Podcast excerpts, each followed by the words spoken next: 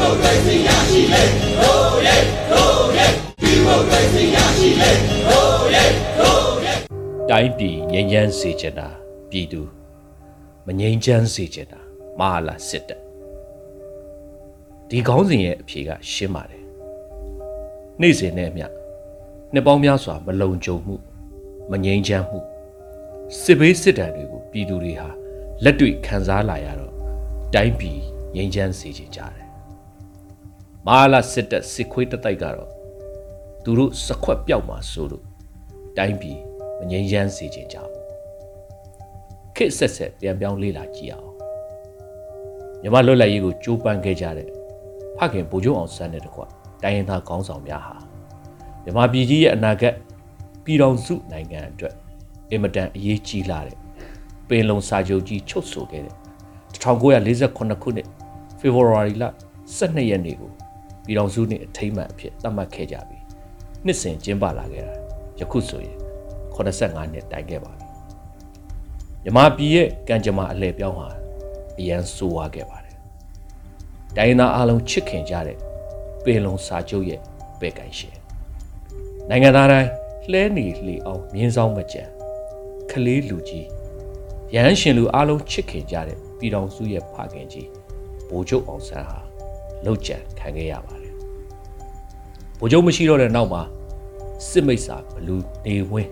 မြမတက်မတော်ရဲ့အကြီးအကဲဖြစ်လာတာဟာပင်လုံစာချုပ်အပါအဝင်ဗိုလ်ချုပ်နဲ့မြမပြည်သူတွေရဲ့ပြည်တော်စုအိမ်မက်စတင်ပျက်စီးတော့တာပါပဲမွေးကလေးကတရေရုပ်တဲ့နေဝင်းဟာ1962ခုနှစ်စစ်အာဏာသိမ်းပြီးအာဏာရှင်မှုကတိုင်းပြည်ကိုတစစီဖြစ်အောင် စတင်ဖြိုခွဲပါတော့တယ်တိုင်းသားများအားလုံးဟာလည်းပင်လုံရဲ့ဂရိကိုတွေပြန်လည်ရရှိဖို့နီလန်မျိုးစုံနဲ့တွန်းလှန်လာတာယနေ့နှစ်ပေါင်း80ကျော်လာခဲ့ပါပြီ1962ခုနှစ်ကနေ2015ခုနှစ်အထိနှစ်ပေါင်း53နှစ်ကြာအောင်အိမ်ဆောင်အစိုးရတော်လှန်ရေးကောင်စီအစိုးရမာဆာလာအစိုးရနာဝတာအစိုးရနာအာဖာအစိုးရ 2010ကြံ့ဖို့အစိုးရအထိစစ်တပ်ကစစ်မိတ်စာတွေဟာစစ်ယူနီဖောင်းကိုချွတ်လိုက်ဝတ်လိုက်နေပဲလူလဲအုပ်ချုပ်သွားတဲ့အတော်အတွင်းပါတစ်ချိန်ကစင်ကာပူနိုင်ငံအတူယူခဲ့တဲ့မြန်မာနိုင်ငံဟာကမ္ဘာအစင်းရဲဆုံးစီရင်ဝင်သွားခဲ့တယ်စစ်အာဏာရှင်ကိုစန့်ကျင်တဲ့တိုင်းရင်းသားလက်နက်ကင်များစွာပေါ်ပေါက်လာခဲ့ကြတယ်တကယ်တော့တိုင်းရင်းသားလက်နက်ကင်အဖွဲ့တွေဘာကြောင့်ပေါ်လာခဲ့တယ်လဲဆိုရင် နေဝင်းကြောင့်ပျက်စီးခဲ့တဲ့ပင်လုံဂရိတွေနဲ့ပြည်တော်စုအိမ်မက်ကြီးကို ပြန်လည်ရရှိဖို့စစ်အာဏာရှင်ကိုရရလက်နဲ့ဆွဲကင်တော်လှန်ဖို့ဖြစ်လာခဲ့ကြတာပါပဲဒီနေရာမှာနေဝင်းကစတန်းရွှေသိန်းစိန်မင်းအွန်လိုင်းအစုံစစ်အာဏာရှင်တွေအဆက်ဆက်ဟာတိုင်းသားလက်နက်ကင်တွေကိုဗန်းပြပြီးပြည်ရွေးမငိမ့်တက်တရောင်ပြည်သူကိုဂျင်းထက် သူတို့ကာကွယ်မှတိုင်းပြည်ငြိမ်သက်မလို့ပုံစံနဲ့သူတို့အာဏာတက်ဆိုးရှည်ဖို့အသုံးပြုလာကြတယ်။ဒါအပြင်တိုင်းသားလက်နက်ကင်တွေကိုအကြောင်းပြပြီးယနေ့ပြည်သူကိုရက်ဆက်ဖို့စစ်လက်နက်ပစ္စည်းတွေကိုတိုင်းပြည်ဗန္နာတွေကနေမတန်တဆဈေးနှုန်းတွေအပိုတင်ပြပြီးစိတ်တိုင်းကြဝယ်ယူနေကြရင်စစ်ခွေးတတိုက်ဟာထားစရာမရှိလောက်အောင်ပြည်သူငွေတွေကို ခိုးယူချမ်းသာလာကြတယ်။တိုင်းသားလက်နက်ကင်မရှိရင်စစ်လက်နက်အကြောင်းပြပြီးပြည်သူငွေတွေခိုးယူဖို့မရတော့မှကြောင့်စစ်အာဏာရှင်ကအခြားတစ်ဖက်မှာသူတို့ကိုယ်တိုင်တိုင်းရင်းသားလက်နက်ကင်အဖွဲ့အချို့ကိုဖွဲ့ပြီးမွေးတောင်ထားလိုက်သေးတယ်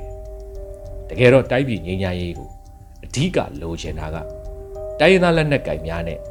ပြည်သူအလုံးပါလက်တွေ့မငြိမ်းချမ်းမှုကိုခံစားနေရတာကတိုင်းသားပြည်သူလူထုအားလုံးပါပဲ တကယ်တော့တိုင်းပြည်မငြိမ်းချမ်းတာကိုလိုလားတာကစစ်အာဏာရှင်တစုပါပဲသူတို့ဟာတိုင်းပြည်ငြိမ်းချမ်းသွားရင်ဖက်ဒရယ်ပြည်တော်စုကြီးပေါ်ပေါက်လာရင်စစ်ခွေးတတိုက်ဟာစခွက်ပြောက်ကြပါဆိုကြပါတယ်ဒါကြောင့်နေဝင်းမျိုးဆက်စစ်မိတ်စာလူတစုကိုအပြက်မတွန်းလှန်သေး၍တိုင်းပြည်ဟာဘယ်သောခါမှငြိမ်းချမ်းစရာအကြောင်းမရှိပါဘူး2015 အမေစုနဲ့ NLD အစိုးရတက်လာပြန်တော့လေငြိမ်းချမ်းရေးကိုဘလောက်ပဲလိုလားပါစေစစာအုပ်အစိမ်းကြီးဖြစ်တဲ့2008ကြောင့်စစ်တပ်ရဲ့လွှမ်းမိုးချေလေခဲ့တာကြောင့်ငြိမ်းချမ်းရေးဟာခရီးပေါက်တဲ့တော့မရောက်ခဲ့တာအားလုံးအသိပါပဲငြိမ်းချမ်းရေးပေါ်အမေစုရဲ့စူးစမ်းအထောက်မှုလူလူခေါင်းဆောင်အမေစုတိုင်းရင်းသားလက်နက်ကိုင်တွေနဲ့ပြည်သူတွေရဲ့ယုံကြည်လာမှုလူလူခေါင်းဆောင်ရဲ့စိတ်ဓာတ်နဲ့ခံယူချက်ရိုးသားမှုပေါ်ပြည်သူလူထုတရက်လုံးရဲ့ ချစ်ခင်လေးစားမှုစတာတွေဟာ2015ကစလို့9နှစ်တာအတွင်းအားကောင်းလာပြီးတော့တိုက်ပြည်ငြိမ်းချမ်းရေးရောင်ကြီးတန်းလာခြင်းပြည်တော်စုအိမ်မက်ကြီးနိုးထလာခြင်းပေးလုံးစာချုပ်ကြီးအသက်ဝင်လာခြင်းမှာတော့မဲအောင်လိုင်းတို့စစ်မိတ်စာတတိုက်ဟာတိုင်းပြည်ငြိမ်းချမ်းရေးကိုမလိုလားဘူးဆိုတာ2021ခုနှစ်စစ်အာဏာမတရားပြန်လည်သိမ်းယူခြင်းကတက်သေးပါပဲဒါကြောင့် နှစ်ပေါင်း80ကြာခေတ်ဆက်ဆက်ကိုလေ့လာရင်အဖြေထွက်လာတာကတော့တိုင်းပြည်ငြိမ်းချမ်းစေချင်တာပြည်သူမငြိမ်းချမ်းစေချင်တာမဟာလာစစ်တပ်လို့သာပြောလိုက်ပါရစေအရေးတော်ကိုအောင်နေပါပြီတခင်